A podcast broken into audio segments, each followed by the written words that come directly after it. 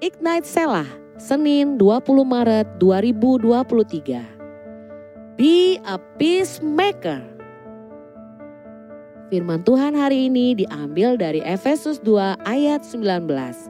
Demikianlah kamu bukan lagi orang asing dan pendatang, melainkan kawan sewarga dari orang-orang kudus dan anggota-anggota keluarga Allah.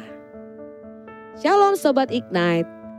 Menjadi pendamai atau peacemaker merupakan tugas yang tidak mudah. Namun itulah yang dilakukan oleh Yesus. Ia memperdamaikan manusia dan Tuhan.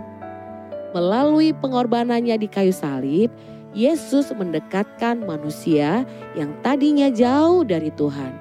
Untuk menjadi pendamai dibutuhkan usaha dan mau untuk repot.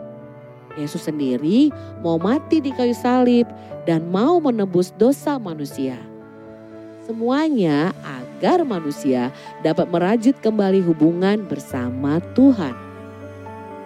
Sobat Ignite, sama seperti Yesus yang mau menjadi pendamai antara Tuhan dan manusia, hari ini kita juga diingatkan untuk menjadi pendamai dalam kehidupan ini. Ketika ada perselisihan, kita memohon penyertaan Roh Kudus untuk mampu mendengar dan memiliki hikmat untuk bertindak. Dengan demikian, kita dipakai Tuhan untuk menjadi pendamai yang menjadi berkat bagi manusia. Seperti kutipan firman Tuhan di atas, terlebih dahulu kita rukun dan penuh kasih terhadap sesama anak Tuhan. Karena kita bukan lagi orang asing, melainkan satu keluarga di dalam Tuhan. Jika kita berhasil menerapkan hidup di dalam kasih di antara sesama kita, maka kita juga akan mudah membagikan kasih yang sama di lingkungan kita.